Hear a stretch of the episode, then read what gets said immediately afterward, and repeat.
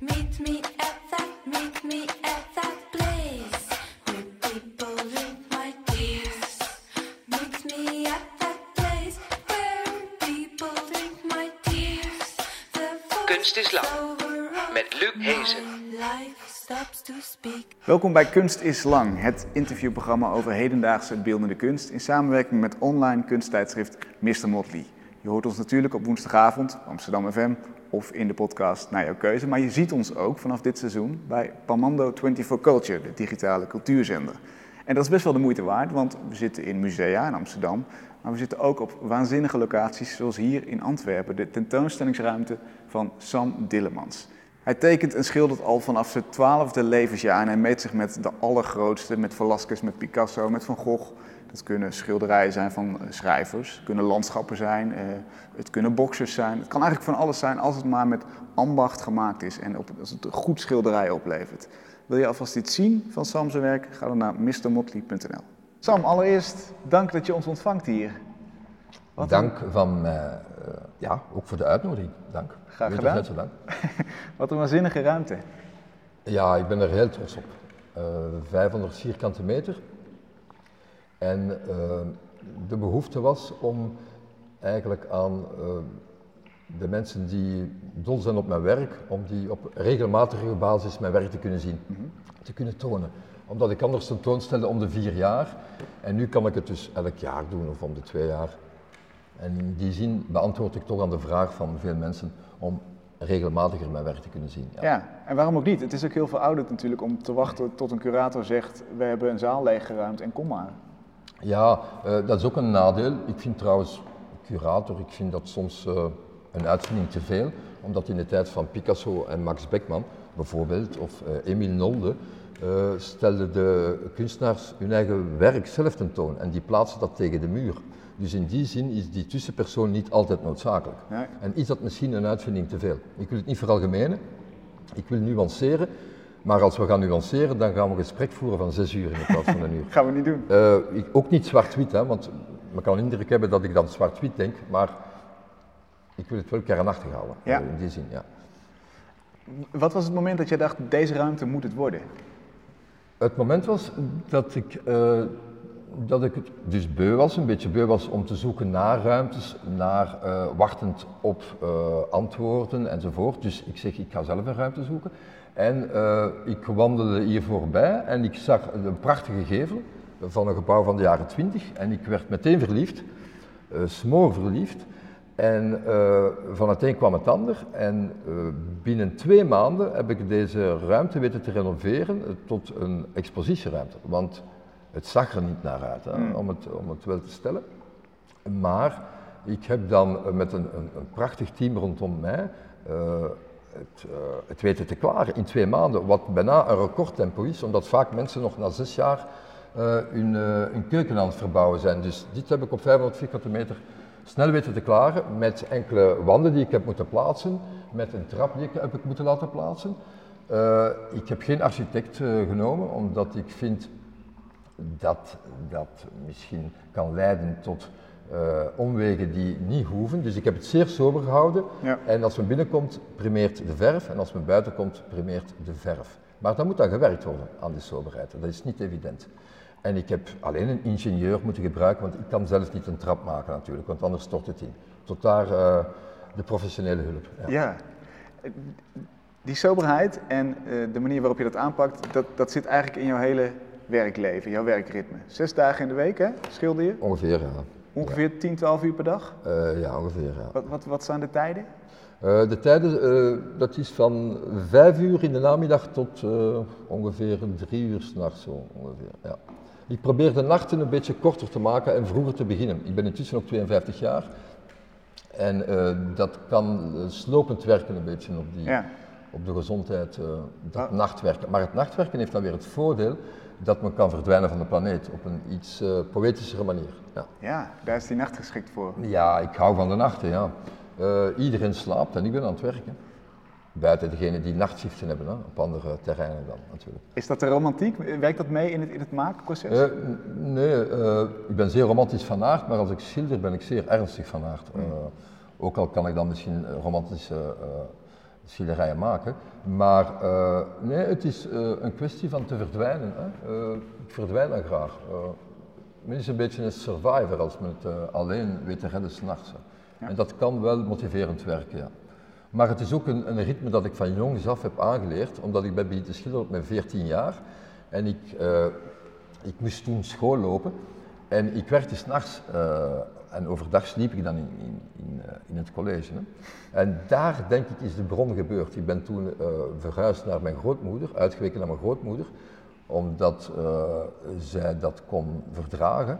En daar zijn, ben ik beginnen s'nachts te werken omdat ik in, eh, in het college niet kon schilderen natuurlijk. Ik kan moeilijk naar eh, Ja. middelbaar onderwijs gaan met mijn palet en eh, wiskunde volgen. Dat ging niet. Dat is Ik waar. had het graag gehad, maar het was onmogelijk. Ik heb het ook trouwens gevraagd, maar het ging dus niet.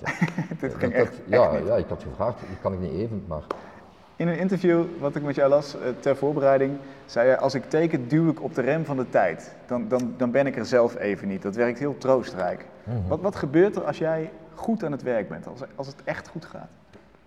Eh, dan verdwijn ik eh, van mezelf. Dus de ballast van het, het, het, zijn, van het eigen zijn, verdwijnt dan. Hè? Want iedereen sleurt toch zichzelf telkens mee, overal waar hij zich verplaatst. Nu, door eh, te schilderen, als het goed gaat, verdwijn ik. Ben ik niet meer, moet ik het zeggen, ben ik van Sam Dilmans af, van de kleine bekommernissen die elke mens eigen zijn. Daar, ben, daar ben ik dan van verlost. En dan bevind ik me eigenlijk uren eh, in sferen van, van eh, totale gratie. Eh, en dat is natuurlijk een ideale verjongingskuur, omdat ik het gevoel heb ja, gewichtloos te worden. Hè? Dus de graviteit van het bestaan verdwijnt. Want het bestaan, hoe men het ook draait of keert, weegt op een mens. Ja. En dan, dat is natuurlijk een zeer goedkope, want men zegt, een goedkope verdwijntruc. Dus ik verdwijn van mezelf. En dat is goed, men moet niet altijd met zichzelf geconfronteerd zijn, dag in dag uit. Daar ben ik ook dankbaar voor, dat ik dat kan doen, maar dat vraagt natuurlijk jarenlange training om, eh, om, in, die, eh, om in die toestand te geraken. Ja, precies. Want is het, glijd je daarin? Hoe, hoe, hoe, hoe werkt dat heel concreet? Maar laten we zeggen dat ik eerst eh, een, een viertal uur in de loopgraven werk. Dat is nu natuurlijk nogal plastisch uitgedrukt. Dat ik echt moet eh, werken afmaken of werken terug corrigeren. Hè? Wat niet altijd zo leuk is, maar dat zijn dingen die moeten gebeuren, hoe dan ook. Hè? Eh, een schilderij moet ook afgemaakt worden. Moet ook doorploegd worden, moet eh, berekend goed zijn tot het einde toe. Maar dan, stilaan, beginnen er zich nieuwe inwendige ontwikkelingen ja, te ontstaan die maken dat ik mij kan veroorloven na het huiswerk dat ik eerst maak, om dan vrijere oplossingen te vinden binnen het werk of een ander werk te maken als beloning voor iets dat ik afgemaakt heb. Hè. Dus na vier, vijf jaar, eh, vier, vijf uur, beloon ik mezelf dan met een nieuw werk, een zeer vrij werk, een los werk. Eh, hoe moer ik word, eh, hoe, hoe sneller ik me, het plastische kan loslaten en verrassingen naar boven kan toveren. Kun je daar eens een voorbeeld van geven? Want ik, ik ben geen schilder, dus ik probeer mee te leven met, met dat proces. Dat huiswerk snap ik, dus, dus de basis opzetten. De compositie is klaar, de basis staat. Of, of ook schilderijen afmaken die voordien nog niet af waren, maar die toch moeten afgemaakt worden en die eigenlijk binnen een bepaald kader van eh, plastische reglementen moeten blijven. Hè? Dus je moet goed weten, de kunst is zeer vrij, maar er zijn enkele grenzen. Als men daarover gaat, wordt het slecht. Ja. Dan kan je zeggen, wat is slecht, wat is niet slecht. Wat ik slecht vind, is slecht. Dus ja, dat is eenvoudig. Ja. Nu, ik heb ook een getraind oog, dus ik weet ook sneller wat niet goed is en eh, wat door de beugel kan. En dan eh, natuurlijk na het afmaken van een werk of na eh, het, het, het Huiswerk. aan- de aanzet van een nieuw werk, dan komen er momenten vrij die ik mezelf ook veroorloof, maar dat, dat gebeurt allemaal op een natuurlijke manier. dat ik een ander werk begin of na die opzet ineens mezelf vo- volledig laat gaan, plastisch. Maar ook dat kan men pas doen, vind ik, als men toch al 30 jaar in het vak zit en dat als men weet wat men doet dan. Hè? Ja. Het is niet in het wilde weggaan. eh schilderen is vrij disciplinair. Ja. En, en zit het hem dan, eh, dat je jezelf dat veroorlooft, zit hem dat dan in het aanbrengen van details? Of wat, wat, wat zijn die kleine verrassingjes, die kleine eh, momenten van gratie die, die je dan bereikt, die je jezelf toestaat? Om, het, om, het, om, het, om het dan schilderkunstig uit te leggen, eh, is dat ik met bepaalde tradities breek binnen mijn eigen werk. En dat ook bewust of onbewust, vaak onbewust. Hè? Dus als ik bijvoorbeeld een jukbeen eh, rechts schilder, die zo moet eh, getekend worden, hè? dan doe ik het net tegenoverstellen. Ik, ik, doe, ik breek het totaal met de linker, ik doe het langs links. Omdat iedereen weet dat een jukbeen rechts is, maar nu ben ik het beu, ik doe het links. Eh, Picasso in zijn cubisme heeft, daar, heeft dat eh, meermaals aangetoond dat men dus het tegenovergestelde van één vorm kan doen om dan juist in- balans te geraken met het schilderij. Maar dat zijn gewaagde ondernemingen, maar eh, door het feit dat ik al uren ander werk heb gemaakt, voel ik mij er ook veel vrijer in. Hè? En als het dan niet goed gaat, niet erg. Ik heb toch al vier, vijf uur mijn best gedaan in een ander werk. Snap je? Ja. Eh, maar dat kan op diverse eh, niveaus gebeuren. Hè? Dat kan ook gebeuren, ik pak een wit doek, soms net voor ik ga slapen, eh, na toch een acht uur hebben geploeterd op één werk, net voor ik de lasagne insteek in de microgolfoven, zeg ik nee, maak er nog één. Hoe moe ik ook ben, maak er één op een wit doek, blanco doek. En daar werk dan een uur op en soms komen daar de mooiste pareltjes uit. Dat is dan de beloning van het hard, hard werken ervoor. Ja. Dus een wit doek, eh, een uur voor ik ga slapen, voor ik ga eten. Hè. Ik zeg, doe het toch. Een normaal mens gaat dan slapen. Ik zeg, nee, ga nu niet slapen, want dit moment ga, krijg je niet meer terug. En, en is dat magisch omdat je dan die uitputtingsslag gehad hebt? Ja, je kan dat niet als je begint. Ja. Ik kan dat toch niet. Picasso kon dat wel, ik kan dat niet. Ja, Er zijn Oh ja. goden en grotere goden. ja tuurlijk dat. Ja. Van, Picasso, van Picasso blijven we af. Hè. Ja. Over goden gesproken, jij verhoudt je tot de allergrootste. Van Gogh, Velasquez, Picasso. Ehm, Ik verhoud mij niet. Ik, ik, ik, eh, het is geen wedstrijd. nee, nee, nee. Ik kijk er naar op. Ja, En zij geven mij eh, enorm veel terug. ja. En door hun bagage ben ik een vrijer man. Dat is het. Hè? Ja. Ik heb heel hun, hun scholen eh, doorlopen van de oude meesters. En het heeft mij een rijk man gemaakt. Ik ben een zeer rijk man eh, qua, qua plastische mogelijkheden, dankzij die grote meesters. Het begon bij Van Gogh, als ik me niet vergis. Ja, Van Gogh, eh, mijn moeder heeft mij een boek gegeven, ik was 12, 13 jaar, van Vincent van Gogh. Nu, dat was een, een mokerslag, hè? dat was een uppercut eh, voor het leven, hè? want dat blijft nu nog door, dat blijft doorduren. Dat was een, ja, een, een vulkanische beleving eigenlijk. Hè? En die heeft mij tot het schilderen aangezet. Kun, kun je nog herinneren wat die vulkaan deed uitbarsten? Wat, wat maakte dat ze goed was? Eh, ja, ze gaf mij een boek en ik, ja, dat waren diverse schilderijen, zowel zijn zelfportretten als zijn landschappen. Eh, ik was in shock, ik was echt in shock. En ik had al veel getekend, daarvoor toch, klassieke tekeningen gemaakt, eh, dus op mijn 11, 12 jaar. En dat heeft mijn leven drastisch veranderd. Allee, ik was al in de kunst bezig, ik was al met de kunst bezig, maar dit heeft werkelijk mij definitief op de rails gezet van, eh, eh, van de schilderkunst. Ja. Weet je nog waar het hem in zat? Was het het kleurgebruik? Was het de, de dikke lijn? Was het de dikke verflaag? Alles bijeen en vooral de frisheid van Van Gogh. De frisheid en natuurlijk de eeuwigheid. Alle grote kunstenaars eh, staan los van de tijd. Meteen die eeuwigheidswaarde. En ook vooral wat Van Gogh schitterend maakt. Die man heeft geen thema's nodig. En dat, vond, dat heeft mij altijd geboeid. Alle grote schilders eh, zijn zeer beperkt in hun thema's. Ze schilderen naakte vrouwen, landschappen, portretten, stillevens.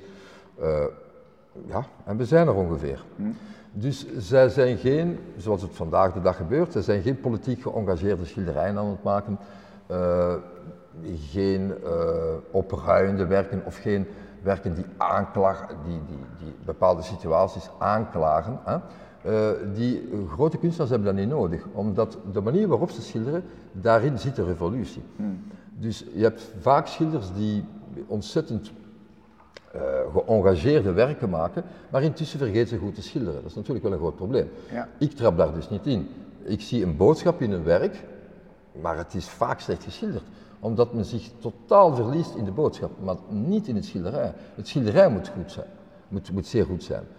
Aan Edgar Degas vroeg men ooit, kijk, eh, ik wil leren schilderen, wanneer kan ik mijn werk laten tonen? En Edgar Degas heeft zei, wel kijk, uh, u schildert 30 schilderijen van radijzen en kom dan even terug. Van radijzen. Ja, een non-onderwerp. Ja, en niet eenvoudig. Nee. En, uh, van, en neem 30 schilders en laat die allemaal radijzen schilderen. Ja, er is één schilderij dat best is van die 30. Hè. Dat is niet helemaal zo.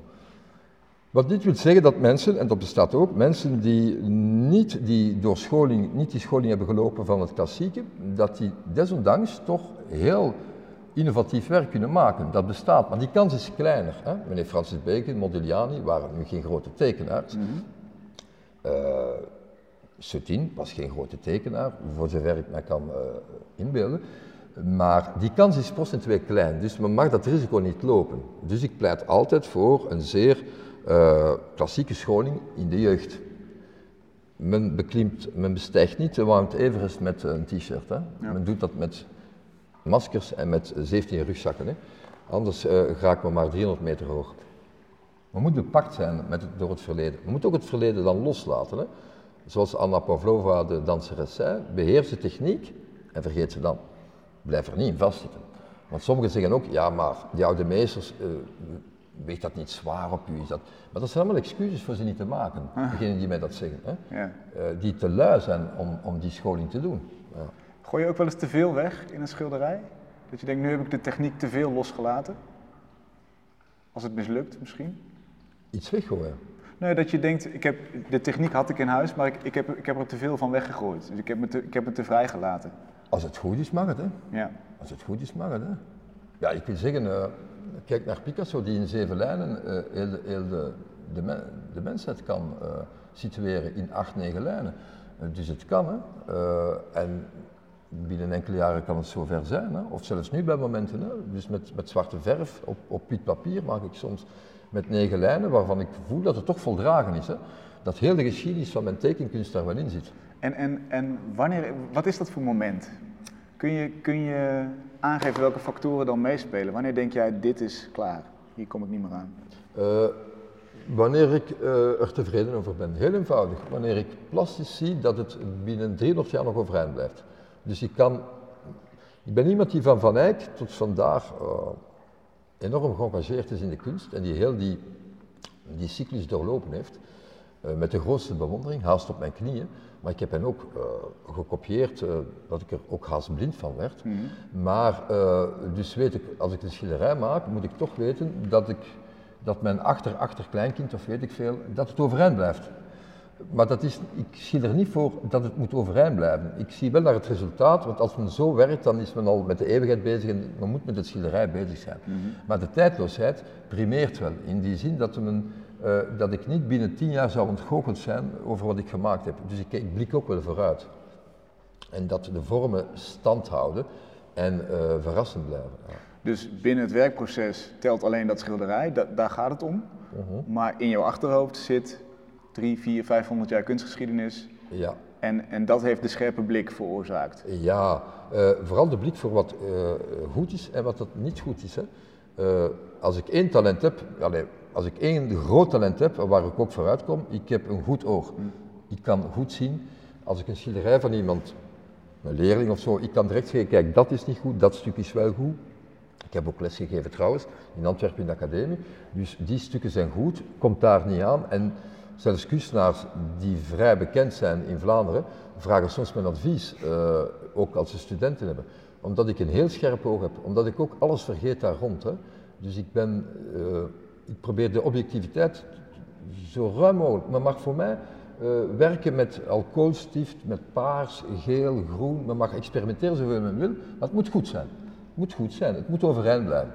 Hoe, hoe, wat, is, wat is nou goed? Dat is natuurlijk een onmogelijke vraag, maar als je zo zeker weet wat goed is en wat niet, hoe, hoe, hoe bepaal je dan of iets goed is? Dat is moeilijk uit te leggen. Dat, uh, uh, omdat ik weet dat het overeind blijft. Ik voel dat het plastisch overeind blijft. Dat het dat het overal kan hangen. Hè? Dus als men een Rembrandt bijvoorbeeld uh, in de kelder hangt, omgedraaid, mm -hmm. in de wijnkelder, uh, waar amper nog een licht is, zal het een goed werk zijn.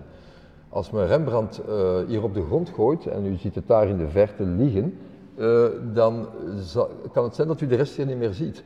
Dus een goed werk is altijd goed, waar het ook hangt. eh, dus het is los van tijd en ruimte. Ja. Veel mensen die exposities maken, verliezen heel veel tijd. Hè? Curatoren of museumdirecteurs.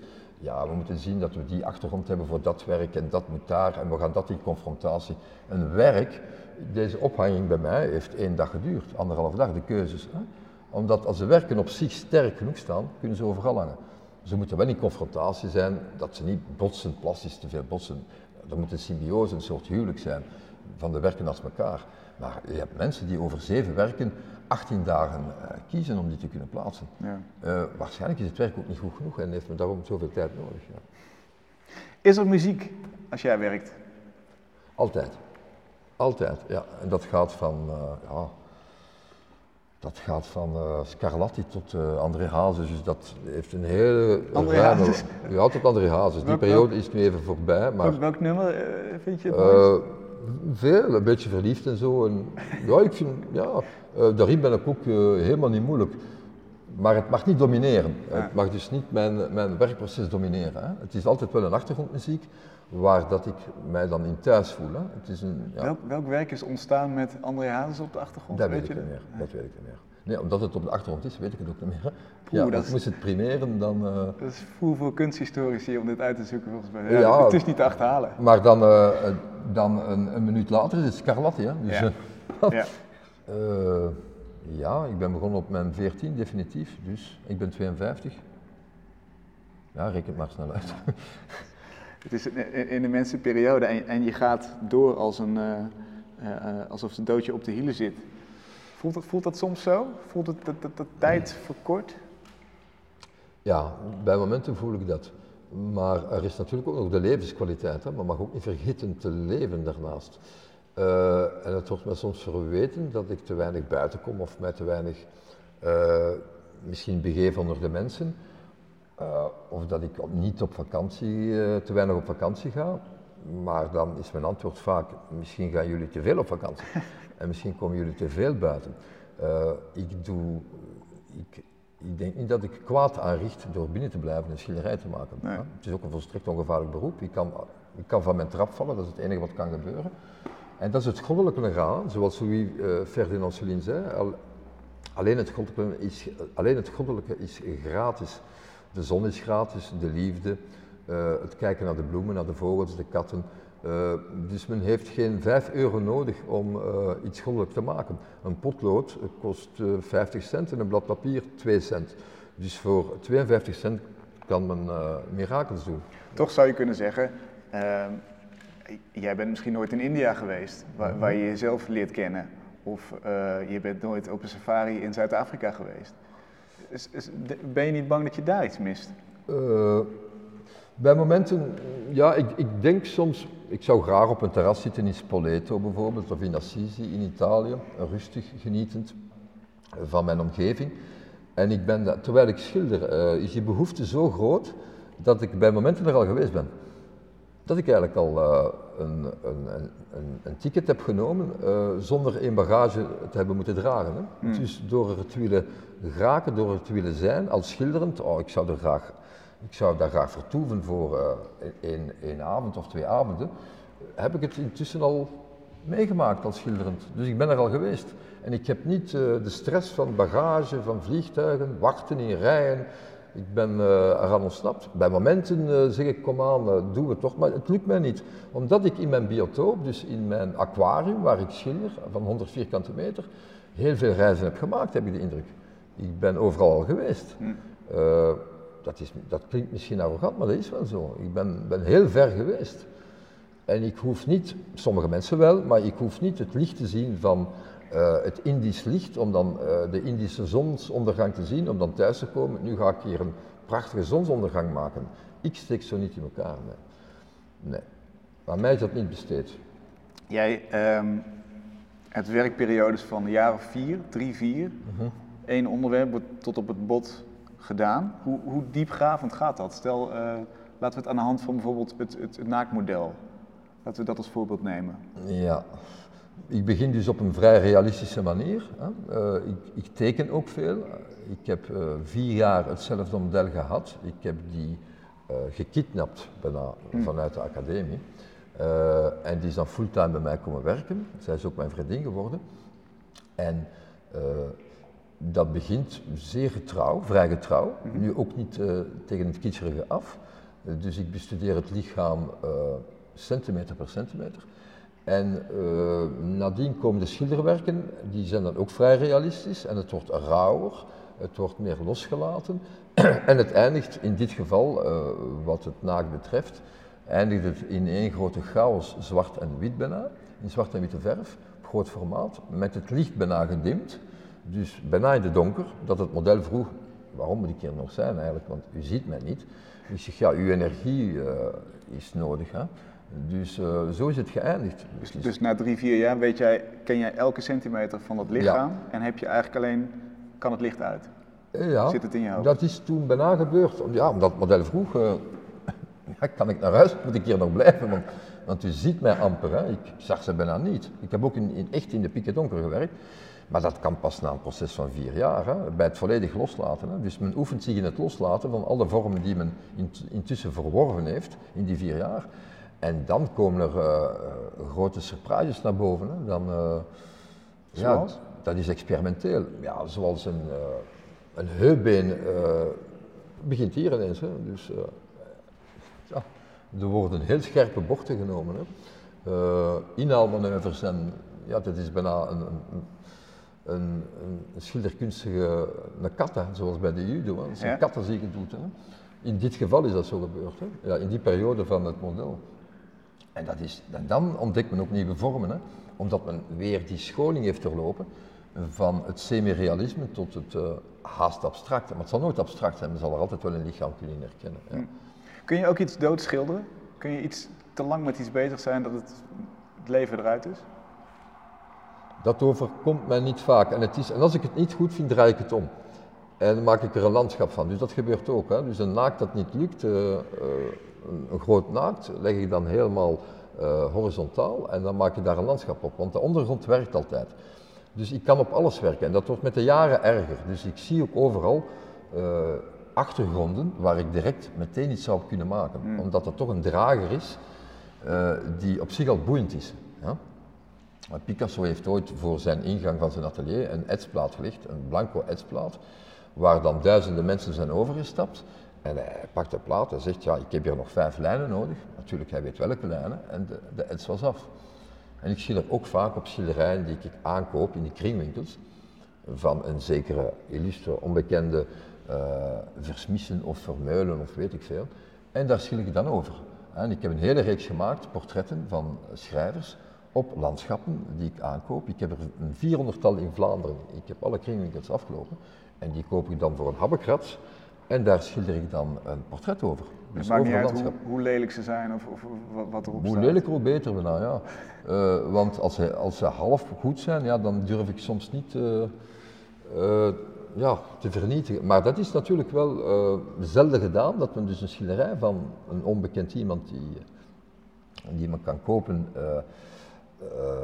in, op, een, op, ja, eh, op een rommelmarkt, dat, dat ik daar dan een portret op maak. Hè. En sommige schilderijen illustreren dat ook zeer goed dat ik dus eigenlijk van een straatscène een portret maak van Dashiell Hammett of van Willem Faulkner.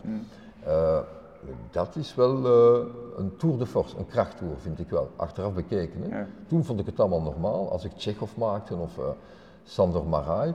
Maar achteraf bekeken dacht ik, man, eh, ook op, op, eh, op bladen van eh, pornobladen, boekjes die ik koop, ja, soms even een schrijver waar achter dus een ik, vrouw vind ik al een goed excuus dat, Ja. je, dat je bij de bladenwinkel komt. Nee, Ja. maar het is hem op te schilderen. Het, is, het is niet... ja, en ik heb, ik heb er talloze, maar ook die boeken van foto. En, en ik maak dus op een naakte vrouw heb ik een portret gemaakt van, van Tsjechov, ik zeg maar een voorbeeld, hè, of van Thomas Bernhard. Eh, en dat is toch wel een revolutie geweest binnen, binnen mijn schildersproces. Ja, want dan, dan komen er ook vormen binnen die je zelf niet gekozen had. ja. Dat, dat is het uitgangspunt. kijk, het, het roze van, het, van dat lichaam, hè, dat kan toch al een, een zekere tint geven aan de huid van het portret dat erop gaat komen. Dus dat Ja. kan wel helpen. Hè. En een, een tepel kan eh, een, een, een pupil worden van een oog. Hè? Dus zo ver gaat dat. Hè? Eh, en als men dat moest doorscreenen, dan zou men zeggen, van waar komt, eh, van waar komt die man, van, van waar komt die schrijver? Ja. Die komt vanuit een bordeel benamend. Het is, het is begonnen eh, in een toch erotische scène en het eindigt met een zeer ernstig portret van Schopenhauer bijvoorbeeld. Ja. Dat is wel achteraf bekeken, dacht ik, ja, niet min, niet min. Maar dat kan men ook maar pas als men dus het vak kent. Die komt altijd op hetzelfde terug. Ja. Dus die momenten van tevredenheid zijn er wel. Jij, jij, jij kunt Hmm. heel erg balen als iets mislukt, maar je kunt ook heel blij zijn en, en tevreden zijn, voldaan misschien, als het wel lukt. Vannacht heb ik slecht geschilderd en ik ben daar nu, ik voel dat nu nog. Ik ben, eh, dat maakt me toch wat onrustig, hè? Eh, omdat het mij niet gelukt is. En eh, Wat ging er mis? ik was te veel, ik wou te goedkoop snel resultaat boeken. En daar moeten we mee oppassen. Soms lukt dat en soms niet. En het is dan nog een groot doek, enfin, toch een doek van 2 meter op 1 meter 20. En ik wou eh, te snel resultaat. Ik wou te snel eh, bevallen, mezelf bevallen. Wat, En- wat, eh, wat, deed je concreet? ik, was enkele, ik ben bezig aan werken van de Eerste Wereldoorlog, dus ik heb een nieuwe reeks. En de soldaat was te goedkoop geschilderd. Dat was geen soldaat. Dat had evengoed eh, een wandelaar met een pet op kunnen zijn. Dus. Maar een soldaat blijft nog altijd een soldaat. Een helm is nog altijd een helm. Hè? Je moet van een helm geen hoed maken. Hè? En het, werd, het werden eigenlijk eh, soldaten met hoeden op. Dat zijn geen soldaten. Dus we moeten zich toch aan enkele, enkele basisprincipes houden. Dus het werd eh, te gemakkelijk. En dan, als het dan mislukt, ja, ben ik ontevreden. Ik ben ook getraind in die ontevredenheid. Hè. Als men 30 jaar schildert, weet men ook, oké, de volgende dag is een betere dag. Intussen hangt mijn wand vol met allemaal werken die af zijn, maar dat één werk, dat, eh, want men zegt me dat vaak, ja maar Sam, je hebt er al 80 gemaakt, het, het is, oké. Ja maar, zoals Matisse zei, mijn grootste vijanden zijn mijn slechte schilderijen. hè. Ja, alles staat op de waagschaal voor dat ene werk. Ja, en dat is eigenlijk niet eh, logisch. Hè? Dat is niet logisch. Hè? En daarmee maak ik het mezelf ook niet gemakkelijk. Hè? Geniet dan na van die 80 die je wel hebt goed gemaakt. Ja. Maar het is ook de drive om door te gaan. Een, een andere mentaliteit eh, had van jou een pensionado gemaakt in Spanje. Ja, nee, je hebt dan ook mensen die dan natuurlijk, als het dan niet lukt, eh, die dan eh, het, op, op, op een zuipen gaan zetten zeven dagen. Hè? En je hebt ook mensen die, als het wel goed lukt, het ook zeven dagen op een zuipen gaan zetten. Hè? Dus, eh, maar ja, dan, dan heb je zeven dagen een kater, dan heb je veertien dagen niet gewerkt. Hè? Ja. Dus ja, dat is... Is, 14 is- als ik jou nu zo hoor, is dat het ergste wat jou kan overkomen? Twee weken ge- geforceerd niet werken. Is, is dat zo? Men moet ook werken als men. Ah, als ik ziek ben, kan ik niet werken natuurlijk. Hè. En eh, gezondheid is sinds de, Tweede revolu- sinds de Tweede Wereldoorlog is, is de gezondheid de grootste revolutie, de medische wetenschap. Hè. De, het is een cliché, maar eh men moet bijna moeite doen om te sterven de dag van vandaag. Hè. Allee, natuurlijk buiten alle kankers eh, om, maar men wordt oud. Hè. Dus men kan ook drie keer leven nu. Hè. Aan- Mozart was dood tot zijn 35, heeft het allemaal moeten klaren in die korte tijd. Dus het is een grote luxe die we nu hebben, toch in de westerse wereld, hè, waar wij ons zich in bevinden, dat we vlot 90, ik zie 90 jaar die vroeger 70 jaar waren. Dus eh, ik heb wel het gevoel dat ik eh, ja, mij moet haasten, zeg ik niet. Maar ik wil toch nog het een en ander afmaken. Het is zo dat ik troost vind in het schilderen. Hè? Het wegwezen van de planeet. Hè? En dat werkt verslavend. Dat werkt verslavend. Ja. En eh, dat maakt dat er weinig alternatieven zich in de loop der jaren hebben gemanifesteerd, omdat ik thuis kom in het schilderen. Ik kom echt thuis. Eh, ik ben bijna een wandelend penseel geworden, om het, eh, om het ja, nogal karikaturaal voor te stellen. En ik voel dat als ik een penseel in mijn hand heb, dat ik zeer rustig word. Terwijl als men mij vraagt om, om, ik zeg niet maar om, als ik in een warenhuis in een file sta, dan word ik al onrustig. Hè? Maar ik, ik heb er ook voor gezorgd in de loop van de jaren dat ik dat toch tenminste kan bewaren. En daarom zeg ik ook veel af in mijn omgeving, omdat ik weet dat dat mij het minst ongelukkig maakt. Hè. ja. Het minst ongelukkig. Eh, ja, het minst ongelukkig. Dus het, het, het, het meest bevrijdende en ook het, het, eh, het ongevaarlijkste. Het, het, eh, ja, men kan voor 50 euro, ik kan voor 40 euro met, met 20 tuben een feest, een bacchanale haast eh, eh, bekomen, waar andere mensen er, er 12.000 euro voor nodig hebben. Ik ben geen materialist en dat is ook een voordeel. Ik hoef geen lampenkap van eh, een bepaald merk van 800 euro. Dit maakt mij niet gelukkig. Zo'n dingen maken mij niet gelukkig. Een, een, een auto is een auto. Alleen, ik wil dan een auto hebben, als ik ermee crash, dat ik niet meteen kom te sterven. Dus ik koop dan een auto met brede bumpers, dat ik niet meteen... eh, ik wil niet sterven in een wagen, niemand wil dat, ik ook niet. Maar ik ben niet het slachtoffer van het materialisme rondom mij. Ik heb dus geen toestellen nodig, ik heb, ik heb geen... eh, hoe moet ik het zeggen, ik heb geen eh, speciale bogen in mijn huis nodig die moeten gebouwd worden. Dat maakt me niet gelukkig. Nee. Nee, nee, nee. Literatuur wel, vriendschap, schilderkunst. Ook allemaal dingen die dus geen eurocent kosten. Ik wil graag naar een, ehm, een voorbeeldje toe. Je leert door het kopiëren en het kijken naar de, de grote meesters, Ja. de oude schilders, Ja. zo te zeggen. Kun je, kun je laten zien waar, eh, wat je geleerd hebt? Kun je dat aanwijzen? Is dat zo één op één te... Dat is een schilderij van eh, naar Rubens, de kruisafneming naar Rubens. Ja? Het origineel hangt in de kathedraal van Antwerpen. Ja. En eh, dit was één groot feest. Het is moeilijk begonnen, maar het is geëindigd in één groot, eh één grote verforgie eigenlijk. Het is hoe groot is het? Ik denk, de- ik denk dat het 4 meter is, 4 meter op 2,5 ongeveer. Het is iets kleiner dan het origineel. Ja. En eh, daar heb ik dus afstand genomen van het klassieke, de klassieke leringen naar de oude meesters. Hè. Dat is een afscheid, omdat het haast abstract is geworden. ja. Maar het gaat nog altijd over, in wezen, eh, een achttal figuren eh, die in compositie en met elkaar in confrontatie gaan. Hè. Dus ook hier weer het thema. Oké, het is een kruising van, het is de, de afhaling van Christus aan het kruis. Ja. Maar het is zo dat, zo zijn er duizend schilderijen gemaakt en toch zijn er een tachtigtal die overeind zijn gebleven in de kunstgeschiedenis. Waarom? Om de manier waarop ze gemaakt zijn. Ja. Eh, daar is El Greco ook een heel goed voorbeeld in, in die zin dat als men de vingerkootjes van El Greco ziet, hè, als men die werkelijk uitvergroot op een doek van 2 op 1 meter, dan ziet men dat hij eigenlijk al het expressionisme aankondigt. Hè. En gewoon in een vingerkootje. En er zijn miljoenen vingerkootjes geschilderd, maar die van El Greco kondigt al, voor 400, 500 jaar later, eh, eh, het expressionisme aan. Dus de, weer de manier waarop. waarop hè. Maar dit is werkelijk het eindresultaat van jaren tekenen eh, vanuit mijn jeugd, de studies die ik gemaakt heb, in alle soorten vormen. Hè. Zoals ik kwam te zeggen, ik heb een haas blind getekend, ik heb de anatomie van Richer bestudeerd, ik heb gipsen beelden gekopieerd in de academie, Ja. eh, wat men al lang niet meer deed.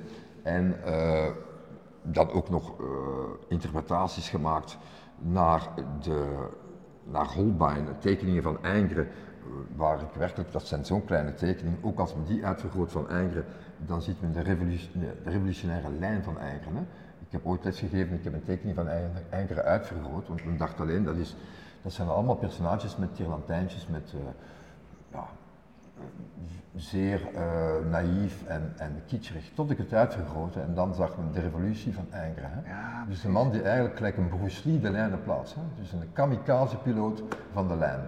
Eh, maar door uit te vergroten konden de leerlingen, begrepen ze ineens, ja, dit is een revolutie. Het is niet zo braaf als het lijkt. Nee, Precies. nee, en, nee, en, en door het te doorvoelen en door het na te maken, kan het zoals dit worden. Ja, dus eh, ja, het is, het is kijk, hè, het, ik heb er enorm mee afgezien. Hè. Het, er waren momenten van, van lichte wanhoop, omdat het, ik, ik, ik, ik kon het niet beheersen.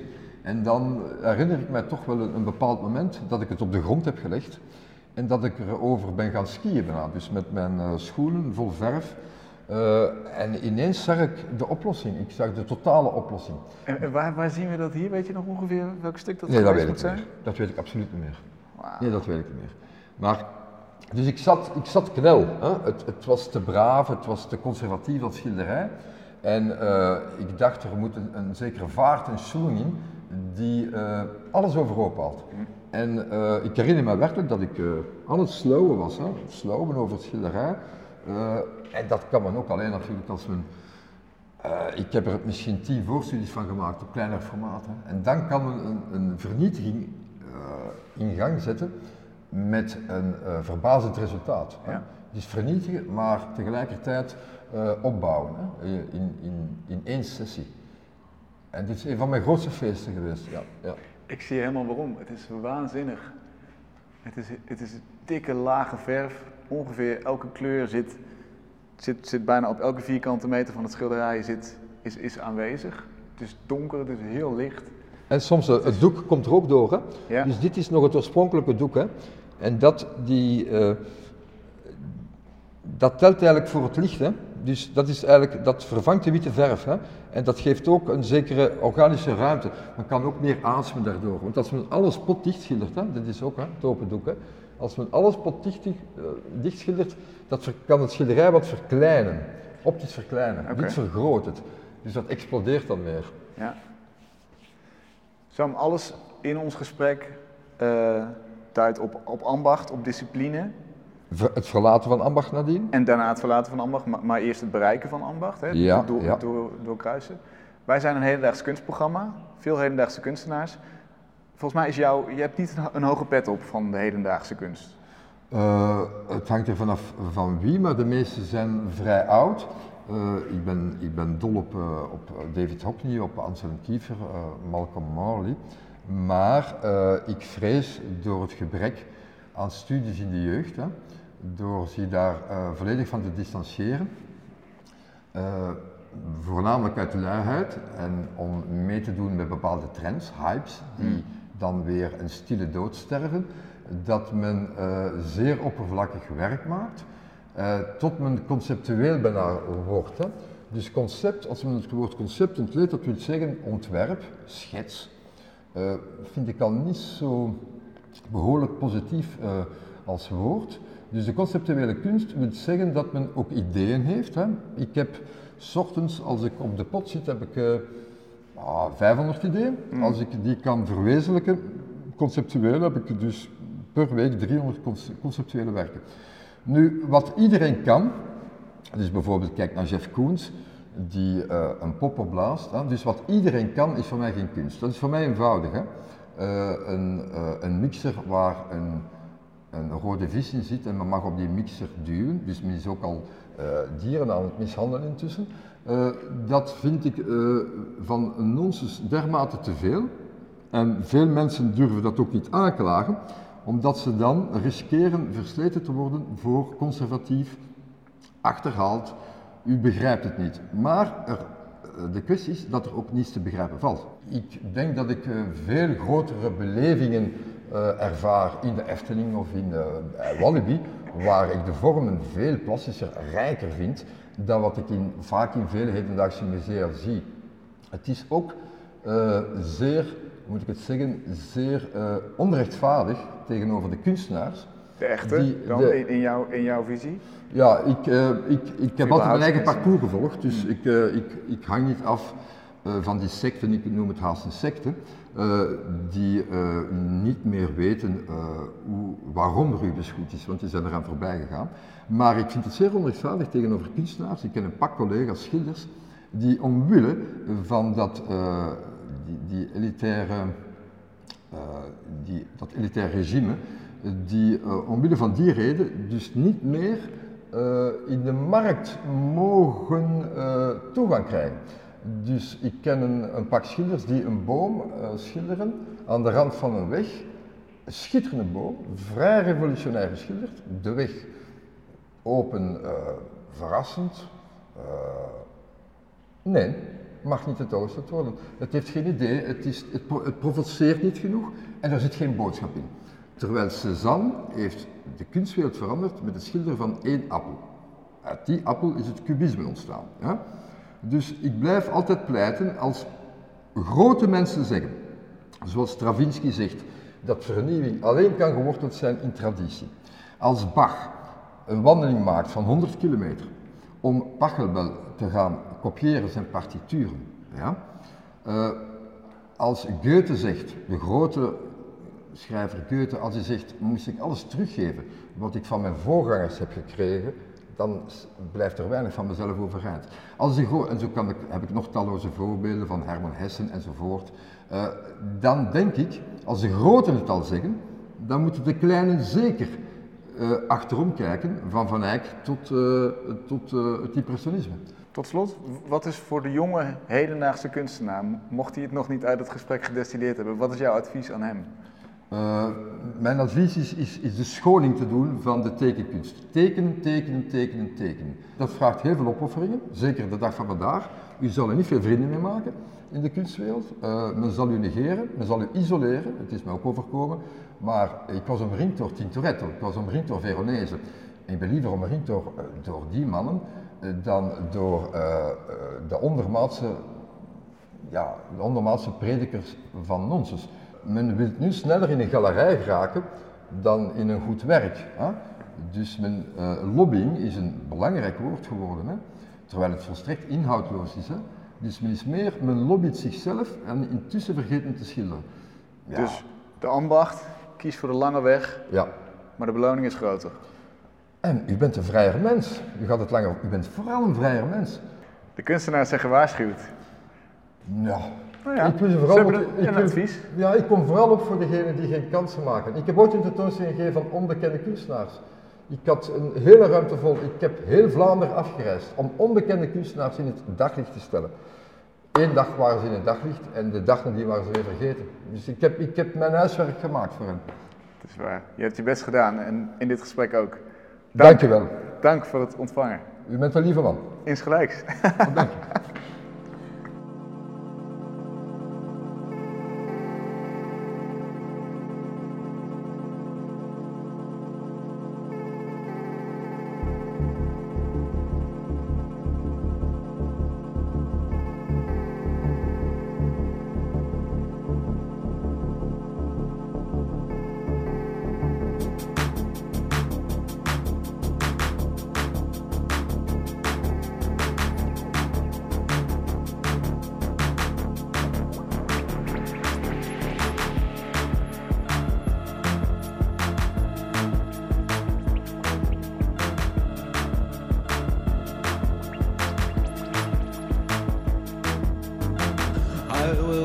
smoking.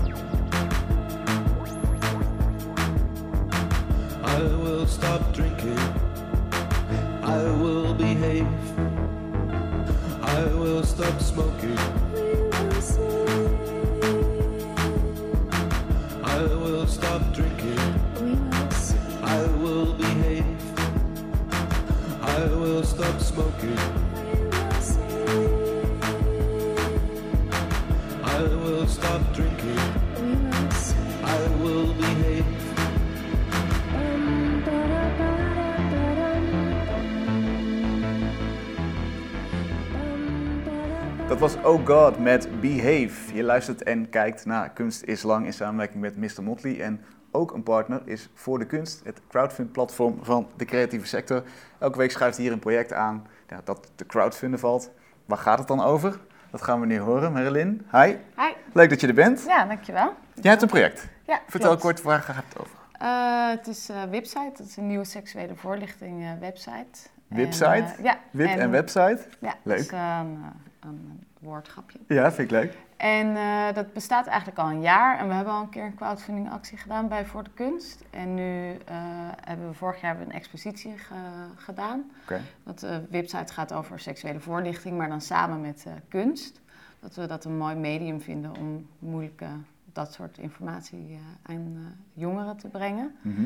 En eh, dus willen we weer een nieuwe expositie gaan doen. En daarvoor hebben we een crowdfunding actie en dan kan je een website truien kopen. En website gaat dus seksuele voorlichting voor jongeren. Ja, eh, ongeveer 12 tot en met 30, dus ook wel iets ouder. Oh ja, dus de, de oudere jongeren telt ook mee. Ja, ja, je bent nooit te, te oud om te leren eigenlijk. Ja, Dus, dat is eh, waar. Dat is waar. Hey, en en eh, waarom dachten jullie de gewone manier van seksuele voorlichting voldoet niet? Of, of daar mist iets? Nou, er zijn zeker wel goede seksuele voorlichting websites, maar het is allemaal toch wel heel erg op de jongeren. En ook wel toch heel erg eh, gefocust op het maatschappelijke en eh, minder op de lol eigenlijk en het positieve. Dat het eigenlijk heel leuk is en dat je je niet hoeft te schamen. En eh, ja, als je naar een andere seksuele voorlichting website gaat, dat je, dan ga je echt om voorlichting te krijgen. En Mhm. dat proberen we een beetje te vermommen door het ook heel erg esthetisch te maken. Hoe, bijvoorbeeld? Eh, nou, ik ben dan de illustrator, dus eh, ik maak illustraties ervoor en animaties. Dus we hebben bijvoorbeeld een eh, animatie over hoe je moet aftrekken. En dan ehm, ja, met allemaal abstracte beelden, dat het niet allemaal heel letterlijk is. Dat je niet afschrikt van de realistische beelden, maar Ja. dat je gewoon met prikkels en heel, heel zintuigelijk, dat het meer eh, ja, vlezig en eh, ja, zintuigelijk is. Om de, alle prikkels, net zoals als je seks hebt, te prikkelen eigenlijk. Oké, dus het moet een beetje in de buurt komen van de ervaring van seks. Ja, ja, En, en wat is dan, eh, wat zie ik in die animatie? Want Je zijn het abstracties. ja. Leg eens uit. Nou, je ziet wel bijvoorbeeld een, een hand en dingen bewegen. Maar je ziet niet een echt persoon iemand aftrekken. Ja, Dus eh, het is zijn maar een hand over een, kubus of zo, of, of hoe een, een, een abstracte vorm. Ja, ja, Oh ja. zoiets. En eh, nu willen we het ook met andere kunstenaars gaan doen. Dus dan krijg je allemaal, andere, allemaal verschillende stijlen. Dus een fotograaf en een andere illustrator. En, Wat krijg je voor reacties op de site? Ja, eigenlijk wel ja, goede reacties. Ja, ook wel eh, sommige mensen die het dan net iets lastiger vinden, maar vooral heel veel positieve reacties. Ja. En, en wat, wat geven zij aan dat het vernieuwende is? Of wat, wat vinden ze het leukste eraan? Nou, dat ik vooral bij mijn eh, leeftijdsgenoten, dat ze denken, oh, dat wist ik helemaal niet. Dus dat je ziet dat zij eigenlijk dus misschien helemaal niet vaak bij een, eh, op een seksuele Ah, ja. voorlichtingssite zijn geweest. Wat is, wat is de meeste, het grootste aha-moment? Eh, misschien dat je chlamydia kan krijgen met orale bevrediging. Oh ja. Dat, eh, die heb ik vaak gehoord. Die, Ja. die is niet zo wijdverbreid. Nee. Hoe kwamen jullie eigenlijk op het idee voor deze site? Is dat een kroeggesprek aan de bar? Ehm, nou, nee, want eh Belle, waarmee ik het mee doe, Hm. die, die kende ik nog helemaal niet. Of we kenden elkaar nog niet. We waren eigenlijk afzonderlijk van elkaar, waren we altijd bezig met het onderwerp, met seks of seksualiteit. En eh, zij heeft eh, sociale wetenschappen hier in Amsterdam gestudeerd. En ik heb illustratie ge- gestudeerd op Willem de Koning. Dus ik was altijd bezig met eh, eigenlijk tekenen, illustraties maken daarin. Mhm. En eh Belle eigenlijk altijd bezig met het theoretische gedeelte. En toen zijn we gekoppeld. En we waren eigenlijk gewoon ontevreden met hoe, ja, met de social media, hoe dat opkomt. En ja, hoe meisjes en jongens eigenlijk worden gemanipuleerd of door de, door media, door de gemanipuleerde media. Dat, dat, eh, En waar heb je het dan over op seksgebied? Wat, wat... nou, dat je, dat onzeker wordt en eh, ja. dat je eigenwaarde heel erg naar achter gaat. En dat we zoveel informatie krijgen, maar als het gaat over seksuele voorlichting, dat dat toch nog een beetje in het stoffige gedeelte ligt. Ja. En wij geloven dat dat ook gewoon cool kan zijn. Ja. Eh, bespreekbaar vooral. We willen het gewoon, ja, dat is het vooral. We willen ja, seks en seksualiteit bespreekbaar maken. Dat dat gewoon een normaal onderwerp kan zijn. Jullie hebben trui ontworpen, dus jij hebt de trui ontworpen. Ja. Je bent de illustrator. Wat, wat zien we daarop? Die kun je, die kun je kopen. Eh, ja, zien dit meisje? Ik moet dan even zo. Nou ja, we hebben nu een sticker. De trui is nog niet af. Nee, nee, die... eh, Maar we zien, we zien een vrouw die met, de- met de benen wijd ligt nog wel met een, met, met een slipje aan. Ja. Maar die, die gaat richting zelfbevrediging. Ja, en eigenlijk om het ja, zo bespreekbaar te maken. En dat komt dan heel groot op je rug en dan hiervoor website. En eh, eigenlijk gewoon dat je het niet hoeft te schamen als je bijvoorbeeld jezelf eh bevredigt. Ja. ja gewoon mooi, grafisch, niet plat. En, eh, en, en hip. Ja. Wat ga je met het geld doen? De expositie eh, financieren. Dus eh, dat we de kunstenaars kunnen betalen en de ruimte. Website dus, hartstikke leuk. Dank voor je komst. Ja, graag gedaan. Wij zijn er volgende week weer en dan is Nasmir Oral te gast. Ontzettend leuke theatermaakster. Dus graag tot volgende week.